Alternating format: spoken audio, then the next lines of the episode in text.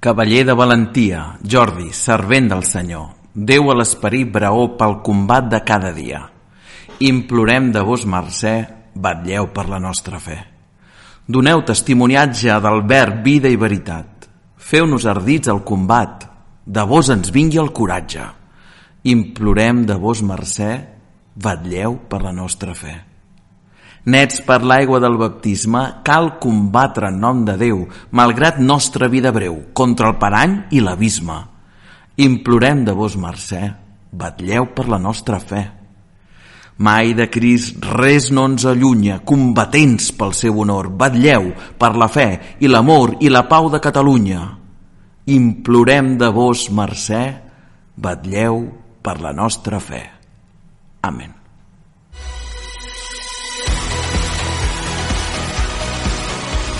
Desperta, un programa de Ràdio Vic amb la voluntat de donar resposta a les inquietuds de tantes persones que volem viure l'alegria de la fe.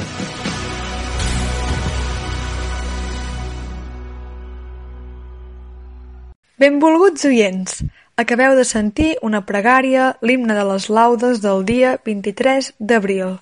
L'ha llegit el nostre col·laborador mossèn Jaume Casamitjana, que us parla des d'un confinament esperançat juntament amb la resta del nostre equip.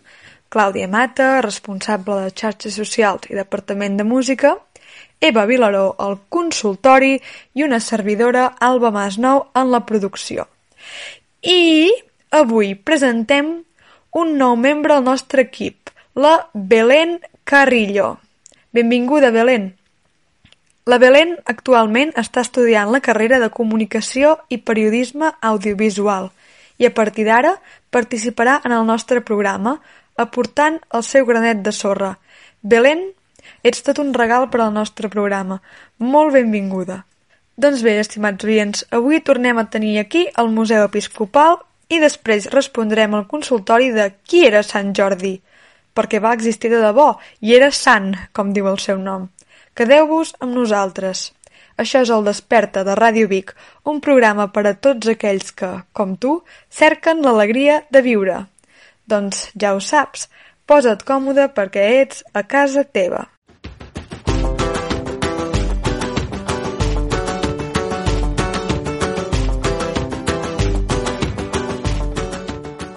Estimats oients, entrem ara en la secció del Museu Episcopal de Vic d'aquest mes.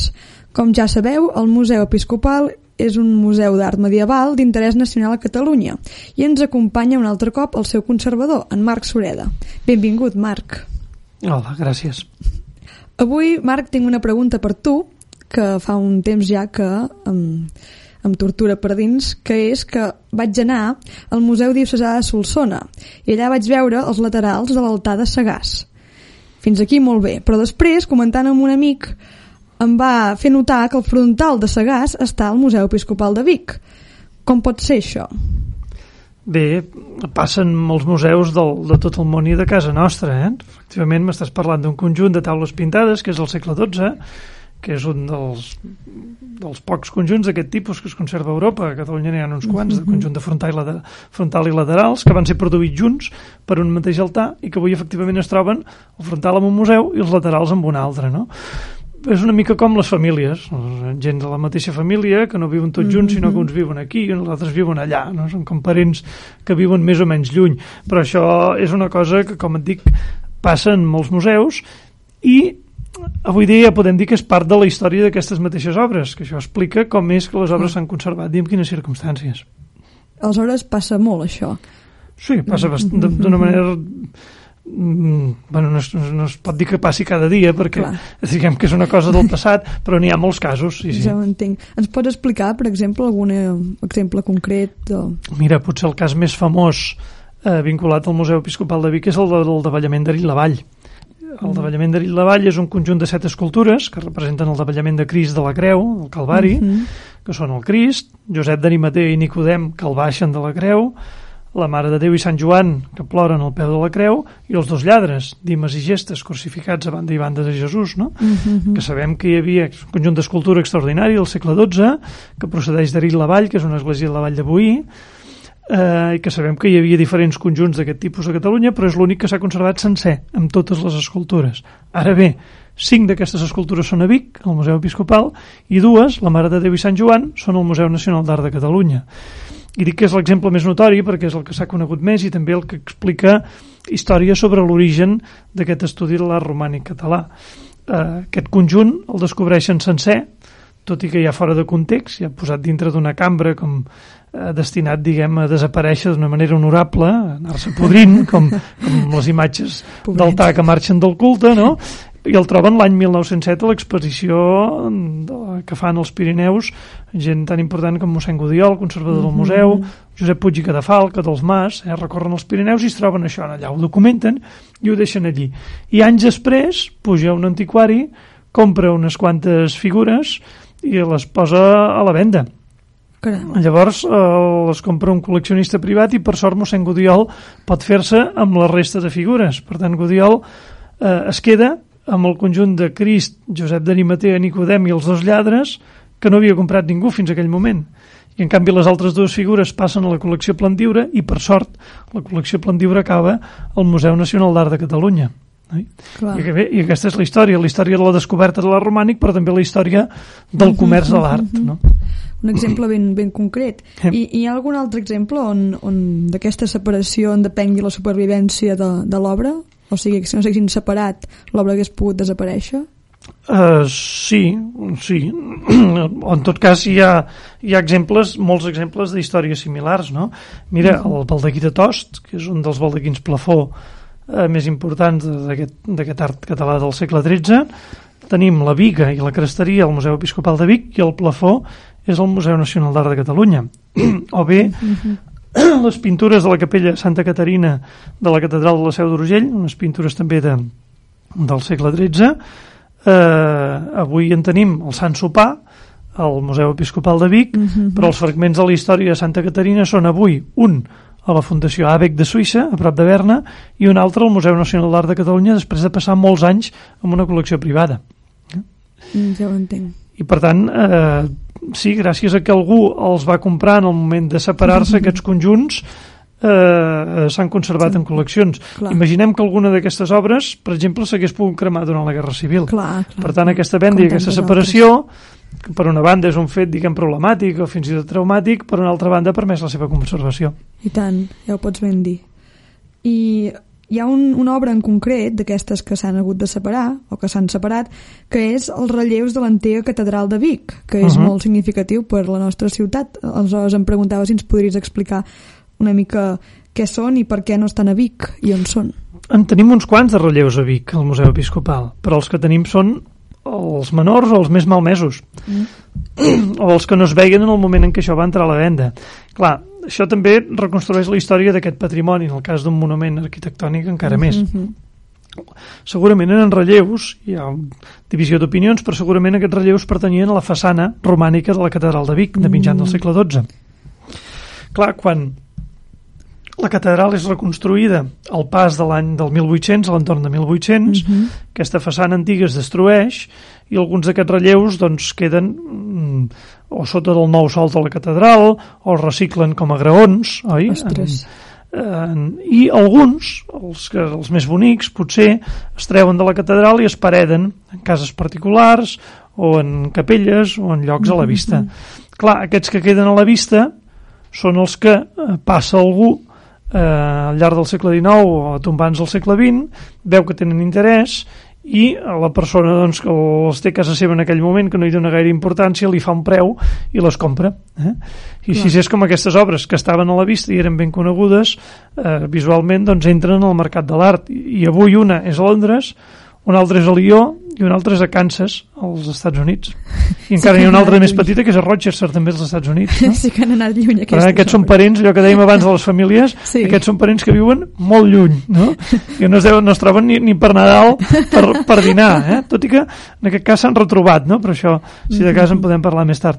En canvi, els altres relleus que són a Vic, què passa? Que molts d'ells els localitza l'Eduard Junyent quan escapa a la catedral als anys 40 i no estaven a la vista. Per tant, diguem que estar ocults els va, els va protegir. Ja ho entenc, increïble. Em sembla molt increïble.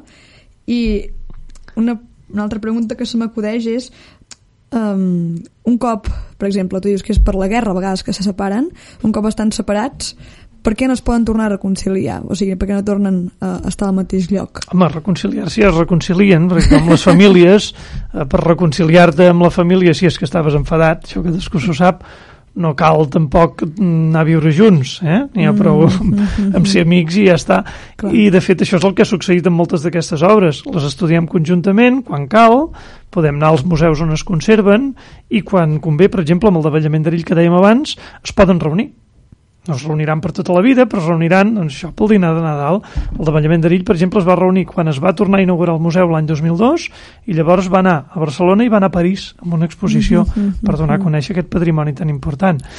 I, per tant, jo diria que sí que estan reconciliades. Que es reuneixin sempre i que tornen a viure juntes amb un sistema de museus intel·ligent en què la informació circula i les obres són accessibles, això no és un gran problema. El problema seria que aquestes obres estiguessin ocultes en col·leccions privades que n'impedissin l'accés. Si estan en museus públics, en museus oberts al públic i oberts a la investigació, no és un gran problema i que tothom visqui on vulgui. No? Clar que sí. Aleshores, Marc, si, si ara jo sóc una persona que vull tenir més informació sobre aquestes obres i vaig al museu, vull dir, què, què he de fer per dir vull veure aquest tipus de coses o Home, d'entrada d'entrada anar al museu veure les obres. Si el museu fa bé la seva feina i nosaltres procurem fer-la quan vegis l'obra ja seràs informada de que eh, això forma part d'un conjunt que està en aquests altres museus. Podràs anar a l'altre museu podràs repetir l'experiència mirall diguéssim en l'altre museu on hi ha aquestes obres i després cada cop més els museus treballem en línia i incloem tota aquesta mena d'informacions mm. a les nostres pàgines web i en els nostres fons que posem a disposició en línia. Mm. Per tant, jo diria que avui hi ha molts recursos, que llavors també pots fer el que estàs fent ara, que és preguntar al conservador. Però cada vegada més tenim recursos a disposició perquè tots els que hi estiguin interessats puguin veure, eh, puguin fer-se l'arbre genealògic oi, de totes aquestes famílies amb parents que viuen lluny és fantàstic uh, que l'internet pugui ajudar a aquest tipus d'experiències, de, la veritat. Molt bé, moltes gràcies per aquestes anècdotes tan interessants, Marc, i ens veiem en una altra ocasió. Molt bé. Un soldat que anava a la guerra, tot joiós cantant, va trobar una pobra donzella que estava plorant. Que us amoïna, gentil minyona, rovellareu el cor plorant. El soldat deixà la donzella vora el camí ral i amb un dubte sobre l'esquena encetà un nou cant. Però la tonada no li sortia, sentia una cremor les mans. Aixecant la vista l'aire vers el sol ponent, a poc a poc les bromes roges portades pel vent es tornaren rams de roses de color vermell que posava la donzella dintre d'un farcell.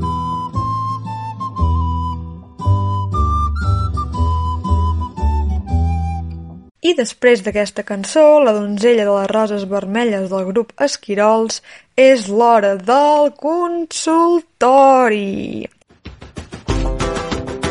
El consultori.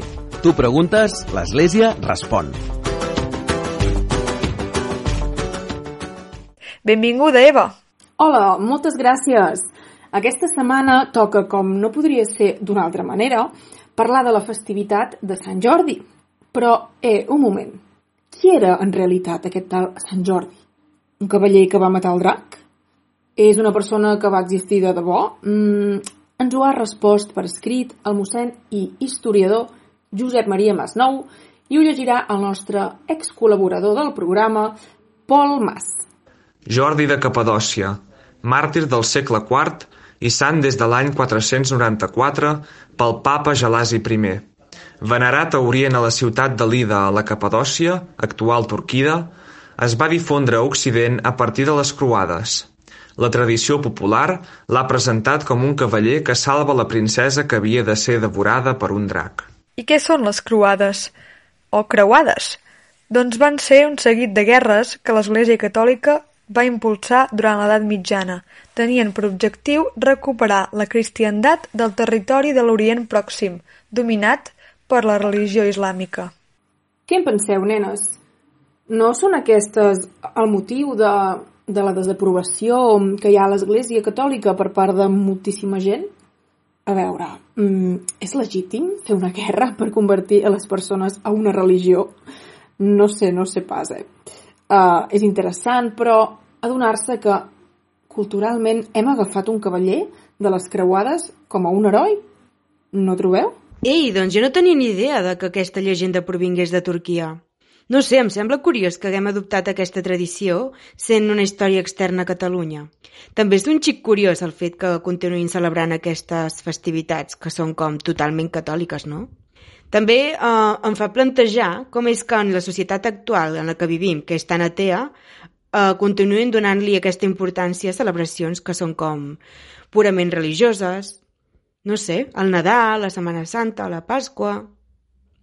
I sobre la qüestió de si és legítim provocar una guerra per recuperar la cristiandat en un territori, a veure, és un tema una mica delicat, però penso que no s'hauria d'arribar a una guerra per aconseguir la cristiandat en un territori.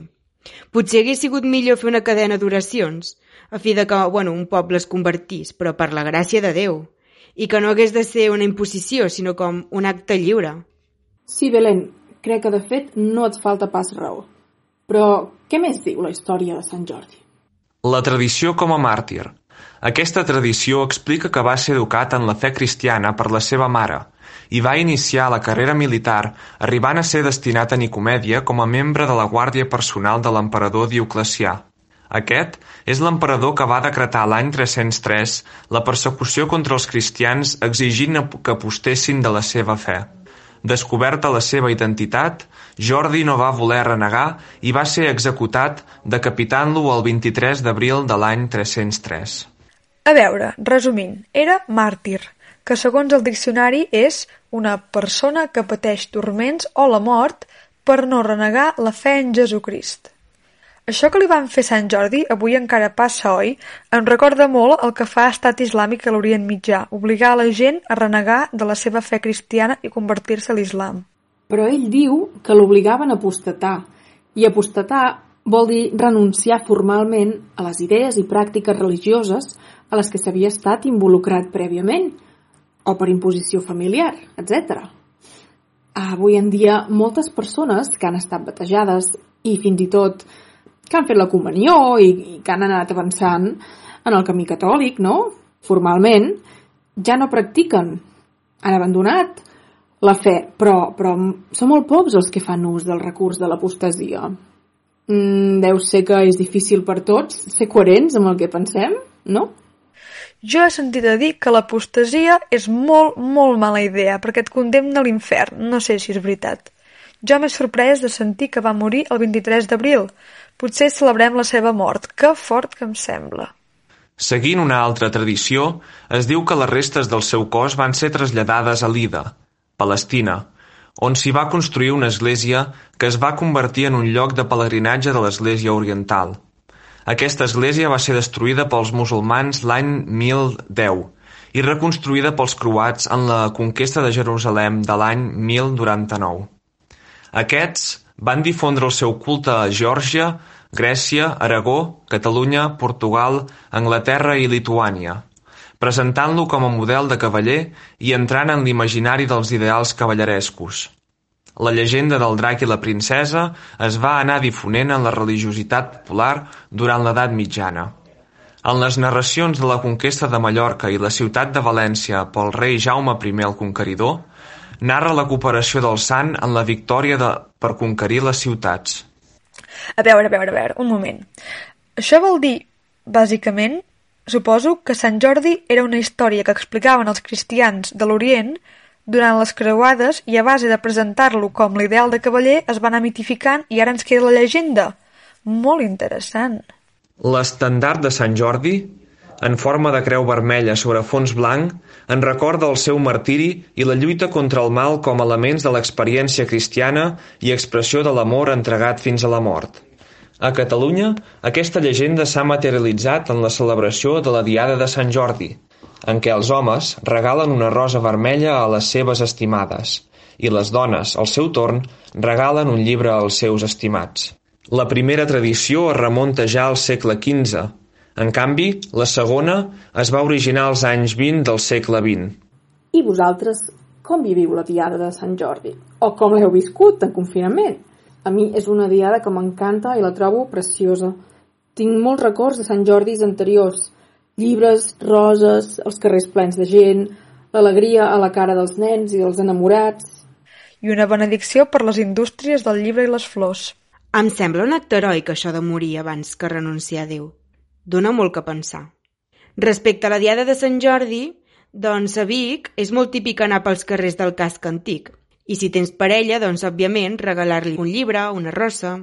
A mi em sembla molt romàntic. És un, és un bon dia per recordar a qui un estima doncs lo important que són per tu, no? Uh, no obstant, en el meu cas, els meus pares sempre pensen en nosaltres i ens compren una rossa o algun detallet.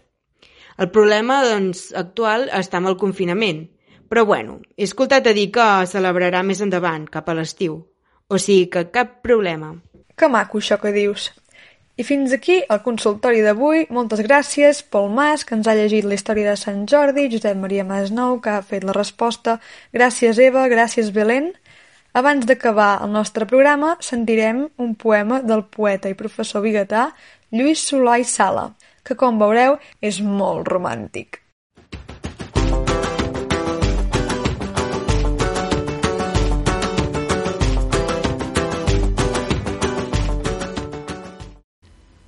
Vine amb mi. Ens abocarem l'un en l'altre. Ens mirarem i ens barrejarem l'un en l'altre. Ens besarem i ens dissoldarem l'un en l'altre. Ens han preparat el goig i el nou. Ens han despullat els exilis. Vine. Serem l'arbre l'un de l'altre. Serem el fruit l'un de l'altre. Com dos rius que es troben i s'aveuren l'un en l'altre. Rostre dins el rostre, a les dunes de l'ona, a la pupil·la de l'únic riu.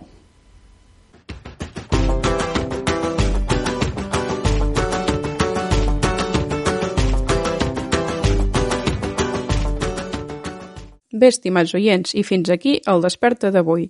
Ens acomiadem l'Alba Masnou, l'Eva Vilaró, la Belén Carrillo, el mossèn Jaume Casamitjana i Clàudia Mata. Com sempre, ens podeu enviar preguntes que tingueu, o bé si voleu compartir alguna reflexió. Al WhatsApp, el número 621 27 29 67, repeteixo, 621 27 29 67, i també sabeu que ens podeu trobar a les xarxes socials, a l'Instagram, al Facebook i al Twitter a arroba desperta Ràdio Vic. També podeu tornar a escoltar aquest programa i altres a la web de Ràdio Vic, a l'Spotify i a l'Evox. Avui, com no podia ser d'altra manera, ens acomiadem amb el Virolai, el cant dedicat a la Mare de Déu de Montserrat, a pocs dies de la seva diada. Ens l'interpreta especialment per al programa d'avui la soprano Rosa Mari Ramírez Abella, acompanyada al piano per Rosa Maria Abella Muniesa. Podeu visitar el seu Instagram, que canta en directe aquests dies de confinament. Ja us posarem el seu link a Stories. Us deixem amb la cançó del Virolai, interpretada per Rosa Mari Ramírez Abella. I ja saps, desperta i confia.